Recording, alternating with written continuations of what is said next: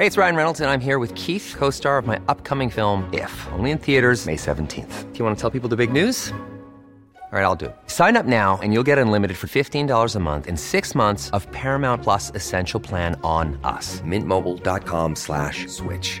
Upfront payment of $45 equivalent to $15 per month. Unlimited over 40 gigabytes per month. Face lower speeds. Videos at 480p. Active Mint customers by 531.24 get six months of Paramount Plus Essential Plan. Auto renews after six months. Offer ends May 31st, 2024. Separate Paramount Plus registration required. Terms and conditions apply if rated PG. There's never been a faster or easier way to start your weight loss journey than with PlushCare. PlushCare accepts most insurance plans and gives you online access to board-certified physicians who can prescribe FDA-approved weight loss medications like Wigovi and Zepbound for those who qualify. Take charge of your health and speak with a board-certified physician about a weight loss plan that's right for you. Get started today at plushcare.com slash weight loss. That's plushcare.com slash weight loss. plushcare.com slash weight loss. Du lyssnar på GVS ljudböcker.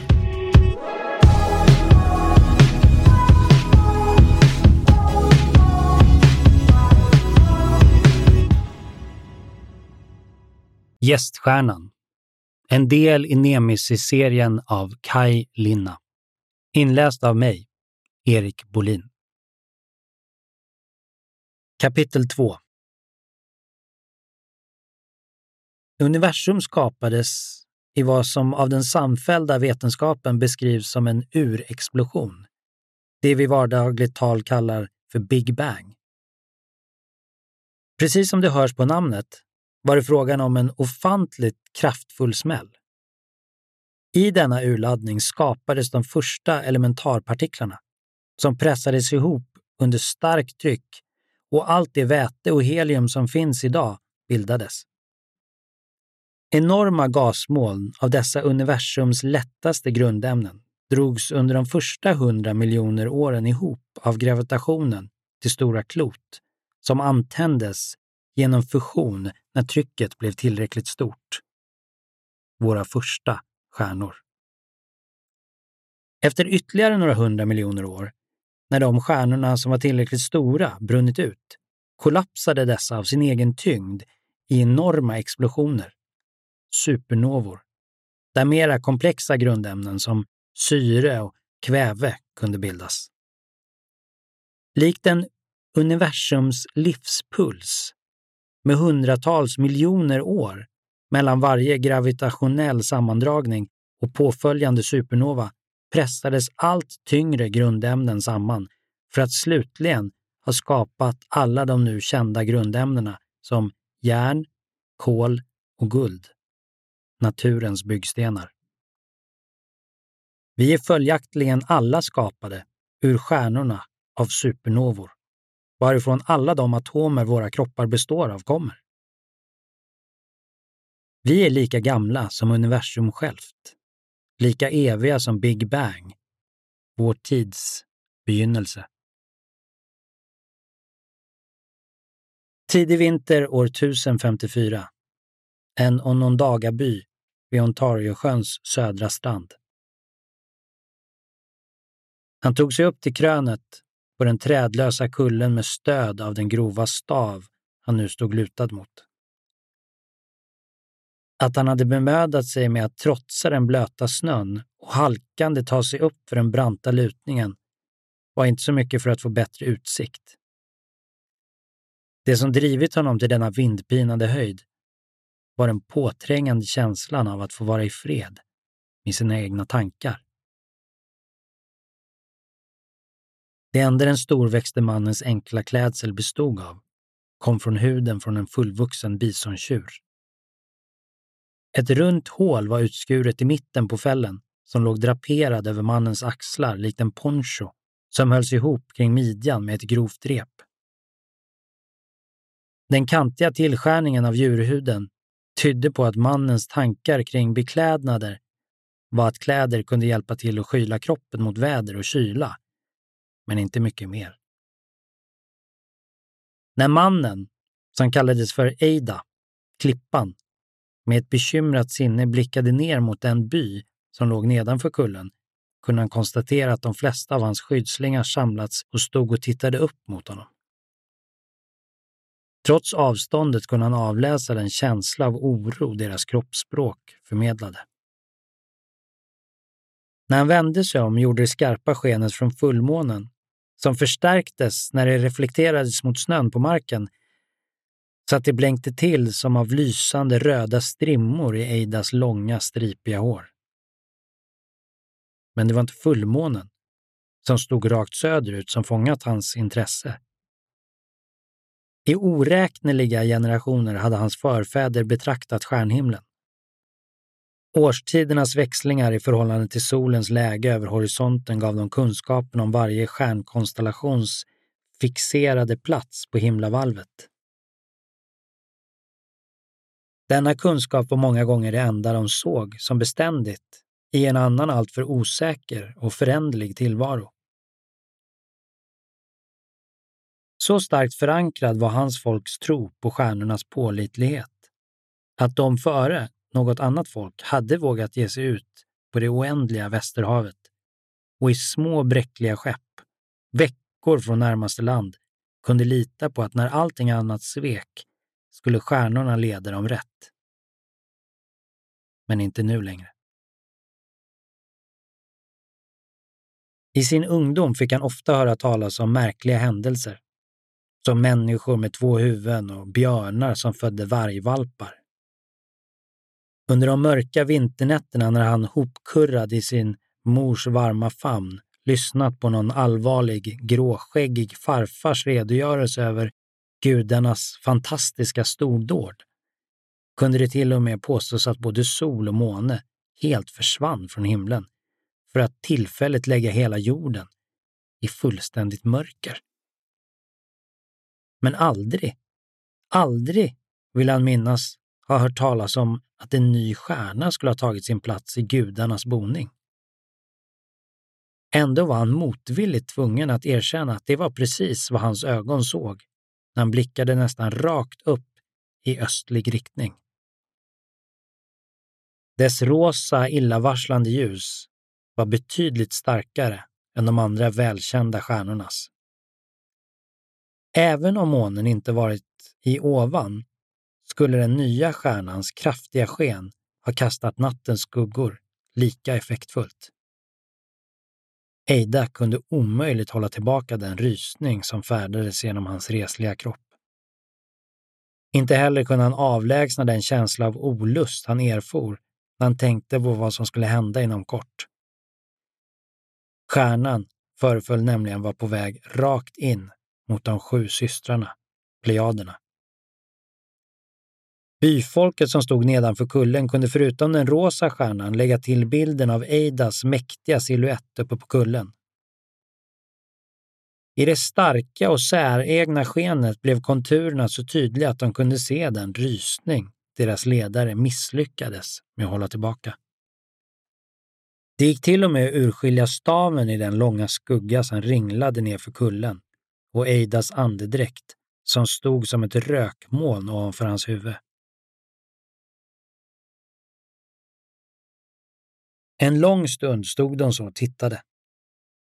Byfolket på Eida och han med blicken mot det oroande tecknet i skyn. Så sjönk han ihop med en djup suck och mumlade något tyst för sig själv och på ett språk hans åskådare inte skulle ha förstått, även om de kunnat höra honom. Därefter rätade han på axlarna och påbörjade nedvandringen tillbaka i sina egna fotspår. Som på ett givet tecken släppte den gemensamma känslan som trollbundet de församlade nere i byn och folkmassan bröts upp i mindre grupper. Den isande kylan drev de flesta att gå in i de långhus de sedan länge vant sig vid att bo i. Några dröjde sig kvar för att förlänga upplevelsen en stund, till genom att dela sina intryck och tankar med varandra. Men när Eida kom fram till byns mittplats, vilken markerades av långhusens enskilda placering som byns samlingsplats, återstod endast en man.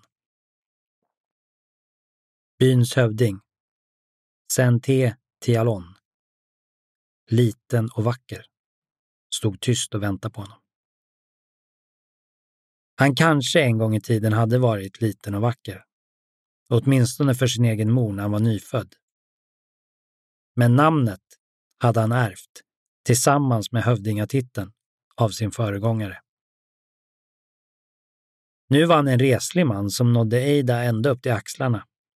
Och inte ens hans mor kunde längre kalla honom för liten och vacker. De två parallella ärr som löpte diagonalt över hela ansiktet. Från det vänstra kindbenet, över den lätt intryckta näsan och upp till det högra ögonbrynet gav honom ett inte direkt vanställt ansikte, men det gav heller inte någon rättvisa åt hans namn. Till vardags kallades han för sitt Hochelaga-namn, Kin Kin. Kin kunde betyda både slug och varg på det språk som talades av hans förfäder, mohawker, flintfolket, beroende på hur och i vilket sammanhang det uttalades. Om han inte varit en kin, som var kin, skulle han förmodligen ha haft betydligt fler ärr än de två som prydde hans ansikte. Och han skulle troligen inte heller ha anförtrotts uppdraget att vara hövding över folket i denna Onondaga-by. Eida stannade framför sin vän och deras blickar möttes. Kontrasten mellan de två männen var slående. Eida var dryga huvudet längre. Hans röda hår var insmetat med aska och djurfett och han var klädd som om han slitit skinnet av ett djur och dragit det över huvudet. Hans hud hade en blekare nyans och ögonen var klart gröna, medan Kindkin hade hasselnötsbruna ögon och korpsvart hår. Hövdingens hud var mörkt, kopparfärgad, men skillnaden i deras klädsel var ännu mer ögonfallande. Kin Kin var en praktfull dräkt bestående av skickligt bearbetade skinnbitar som skilde sig åt i både färg och textur. De var fästa vid varandra med tunn sentråd och på väl utvalda ställen var dräkten dekorerad med noggrant monterade snäckskal och små färggranna fjädrar. Men mest slående var det skimrande fält av blåfärgad piggsvinstaggar som täckte hela ryggtavlan och delar av låren. När Kin Kin rörde sig böljade dessa blåa fält och gav ett nästan levande intryck. Kinkins hår var bortrakat på båda sidor och manen som stod rakt upp mitt på huvudet var prytt med två mycket stora örnfjädrar. Även dessa var färgade i blått. På bröstet bar han en fiskbensmönstrad platta bestående av ett stort antal småben från en hjort, som polerats och urmärgats, hålgjorts så att de kunde fästas vid varandra med tunn sentråd. Runt midjan hängde ett blankt läderbälte. Små figurer föreställande olika sorters djur var inbrända i lädret. De flesta avbildade Kinkins klansymbol, vargen. Men det gick även att urskilja några andra vanligt förekommande landdjur och fåglar. Symboler som representerade vargklanens allianser. Nerkörd i det blanka bältet satt Kinkins flitigt använda stridsklubba. Utan den tog han aldrig mer än två steg. Hövdingens ben var i motsats till Eidas helt bara, klädda med ett mockamjukt ljust hjortskinn. Hela vägen längs med yttersidorna av benen svajade rader av tunna skinnremsor. Eidas fötter var beklädda med höfyllda påsar gjorda av vad som blev över det djur som täckte hans överkropp. Kinkin gick i ett par rejäla mockasiner med en kraftig sula gjord av två lager hoplimmad älghud. När Eida betraktade den stolte mannen framför sig fick de tydliga ärren, som så många gånger förut, honom att minnas tillbaka 25 år, till den dag han först mötte måhåkarna och egenhändigt högg in dessa ärr i ett allvarligt menat försök att ta död på sin bror. Det var hövdingen som först bröt tystnaden. När ger du av? De var båda två mycket fåordiga män och mer behövdes inte sägas. Vart han skulle gå kunde vilken annan vinter som helst varit föremål för diskussion. Men i nuläget fanns det bara ett alternativ. Varför han skulle gå rådde det inte heller några som helst tvivel om. Nu var det uppenbart att den klart lysande stjärnan, som hövdingen skymtade ovanför Eidas ena axel, var på väg in i de sju systrarna och hotade med att nå fram samtidigt som midvinterceremonin inföll. Imorgon. Att det skulle ske innan första gryningsljuset var underförstått. Jag har redan skickat Alek. Bra, tänkte Ida. I det starka nattskenet skulle byns bästa löpare hinna långt innan han var tvungen att stanna för några timmars nattsömn och på så sätt spara värdefull tid. Känslan av att det som hände nu var helt avgörande kändes i luften. Tid, tänkte Ida bekymrat. Vi har så lite och behöver så mycket. Men det var inte bara tid det rådde stor brist på. Jag sänder med dig Stor Kekko och Pialo. Kom. Hövdingen vände sig om och började gå mot sitt eget långhus, som låg alldeles bredvid. Eida följde ryggen på sin vän. Tre män, tänkte han. Bättre än inga i alla fall. Något som skulle varit det självklara vilken annan vinter som helst. Men byn kunde inte avvara någon mat till Eida när möjligheten att försörja sig med jakt på vägen fick anses vara om inte god, så i alla fall möjlig. Inte sju heller.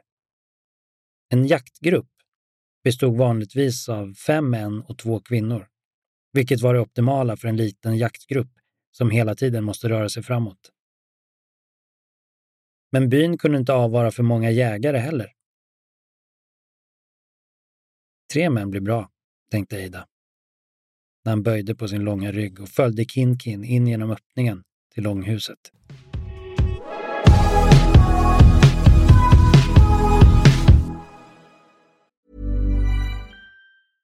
Ryan Reynolds här från Mint Mobile. Med priset på nästan allt som går upp under inflationen, trodde vi att vi skulle bring våra priser down. So to help us, we brought in a reverse auctioneer, which is apparently a thing. Mint Mobile unlimited premium wireless. Ready to get 30, 30, bit to get 30, bit to get 20, 20, 20, bit to get 20, 20, bit to get 15, 15, 15, 15 just 15 bucks a month. So, Give it a try at mintmobile.com/switch. slash $45 upfront for three months plus taxes and fees. Promo rate for new customers for limited time. Unlimited more than 40 gigabytes per month. Slows. Full terms at mintmobile.com. Millions of people have lost weight with personalized plans from Noom, like Evan, who can't stand salads and still lost 50 pounds. salads generally for most people are the easy button, right? For me, that wasn't an option. I never really was a salad guy. That's just not who I am. But Noom worked for me. Get your personalized plan today at Noom.com. Real Noom user compensated to provide their story. In four weeks, the typical Noom user can expect to lose one to two pounds per week. Individual results may vary.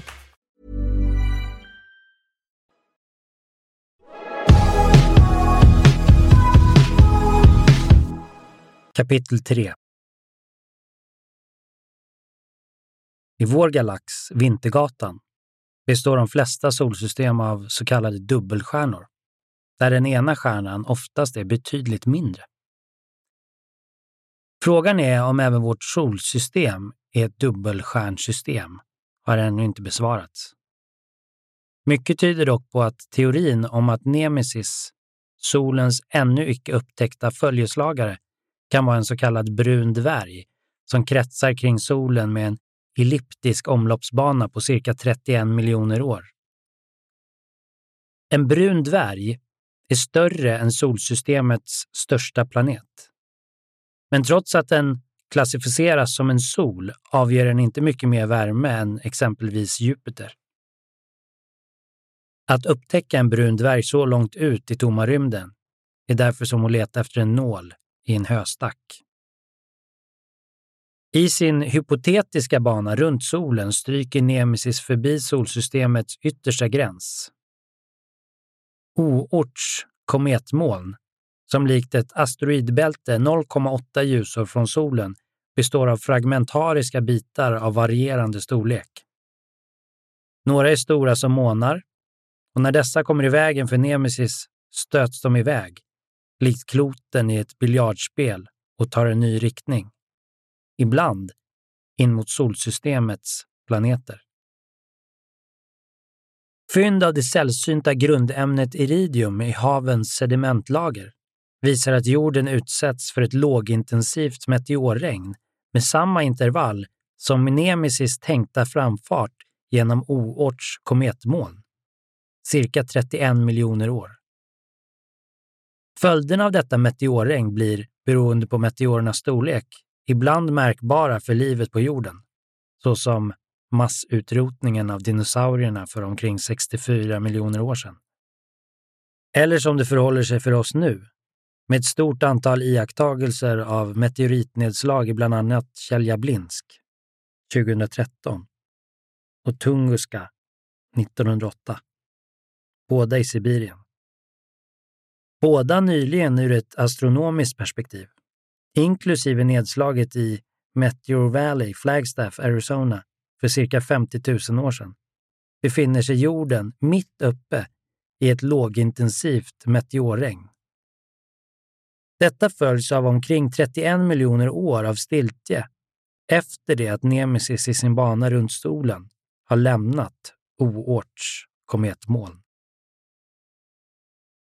Den 3 februari år 1998, Rochester, New York, USA. Sin vana trogen vaknade Peter Elk sekunder innan väckarklockan fick en chans att gå igång. Denna morgon var inget undantag, trots att han hade haft svårt att somna kvällen innan. Han sträckte ut handen och tryckte ner knappen på väckarklockan med ett leende på läpparna. Idag gällde det. Nere i köket var hans mamma redan igång med att förbereda en stadig och välbehövlig frukost och matsäck. Det var fortfarande mörkt ute när bussen 30 minuter senare rullade ut ur hamnstaden med Peter och hans lika entusiastiska lagkamrater. Färden upp till Toronto beräknades ta fyra timmar, inklusive gränspasseringen vid Niagara. Juniorlaget i Rochester, Iroquois, skulle spela final i distriktsmästerskapen i The Great Lake Area Cup och även om motståndarlaget hölls som skyhöga favoriter innebar matchen lika mycket en möjlighet till individuella prestationer. Ett sätt att visa upp sig. Mer än en talangscout skulle finnas bland de betalande publiken på läktarna. Löven kanske skulle ta hem själva segerpokalen, men den bästa spelaren på isen, den som juniorlaget kunde tacka för att de så framgångsrikt klarat sig hela vägen till finalen, satt i deras buss. Hela laget gladde sig i förskott åt Peters förväntade drafting efter dagens match. Framme i Toronto leddes ungdomarna av sin tränare genom spelargången till Air Canada Center. De var fyllda av vördnad över att beträda dessa legendariska marker där deras idoler som Börje Salming i decennier vandrat. När de visades in i omklädningsrummet för besökande lag insåg pojkarna att detta rum förmodligen hyst samtliga NHL-spelare de överhuvudtaget kände till. På den bänken kunde Mark Messier ha suttit. Där kanske Wayne Gretzky bytt om. Och på den massagebänken hade helt säkert Mario Lemieux sträckt ut sig. Det återstod ännu några timmar innan nedsläpp. Timmar som pojkarna fick tillbringa som de ville. Efter att ha lämnat sina trunkar gav de sig först iväg för det obligatoriska besöket på Hockey Hall of Fame inte långt ifrån själva ishallen. Besöket var snabbt avklarat eftersom det inte var det första besöket på museet för någon av pojkarna. Strax därefter satt de lutade mot ett par konstföremål tvärs över gatan i Semco Park och åt sina medhavda smörgåsar. En pyramidformad fontän vars vattenflöde var avstängt över vintern erbjöd ett bekvämt ryggstöd åt Peter och några av hans vänner. Några passade på att sluta sina ögon för att njuta av vintersolens värmande strålar efter att de avslutat sina matsäckar. Peter blev väl medveten om att han måste ha slumrat till för en stund när en av hans kamrater knuffade till honom. Det började bli dags att dra sig tillbaka till ACC-arenan. Han gnuggade ögonen och kände sig lite groggy. Den första impulsen sa honom att han ännu inte hunnit vakna till riktigt. Men när han vimmelkantigt försökte ställa sig upp kändes benen som darrande geléklumpar och han var tvungen att sätta sig ner igen. Hur mår du? hörde han någon säga. Nej, inte så bra. Det måste ha varit något fel på mackorna. Jag, jag, jag mår lite illa, hörde han sig själv svara. Men du kan väl spela? var frågan som alla ställde sig. Och som minst två sa högt. Två kamrater tog honom under armarna och hjälpte honom upp. Peter kände sig yr och oförklarligt matt. En envist pipande ton ljöd högt i öronen. Stödd av sina oroliga kamrater drog han ett par stapplande steg framåt. Han kunde känna hur kallsvetten rann nerför ryggen. Men efter några steg, när de kommit en bit från parken, släppte illamåendet lika plötsligt och oförklarligt som det börjat. Och väl ute på Front Street var han helt återställd. Ja, vad det än var så gick det över. Nu har vi viktigare saker att tänka på, sa Peter och snedde över gatan i riktning mot hockeyarenan. I tankarna kunde han inte riktigt släppa funderingarna på vad som just hänt. Han vände sig om och kastade en blick bort mot fontänen som för att se något som gav en förklaring. Men när de närmade sig arenan var fokuset helt på matchen igen. Publiken bestod av 1500 betalande fans till motståndarlaget och fyra busslaster med vänner och föräldrar som reste upp till Rochester. Dessutom en hel del journalister från hemmaspelarnas stad.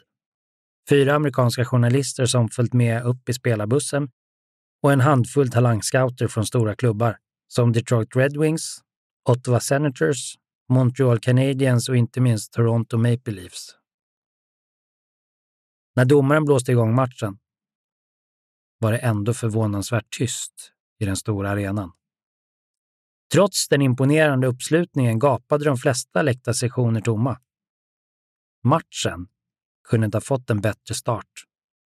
Peter, som redan var lovad maximalt med istid, vann tekningen åt sig själv. Han tog ett snabbt skär till höger och överrumplade motståndarnas målvakt med ett kanonskott strax utanför den blå linjen. Rakt upp i krysset. 1-0 efter bara tre sekunder. Coachen för Löven begärde timeout. Även om han beundrade prestationen av den unga talangen från USA skulle han göra allt som stod i sin makt för att vinna den här matchen. 22an är livsfarlig. Han måste punktmarkeras och tas mycket hårt. Högerbacken fick uppdraget och laget åkte ut för en ny tekning. Än en gång vann Peter pucken enkelt, passade rakt bakåt och satte fart mot målet.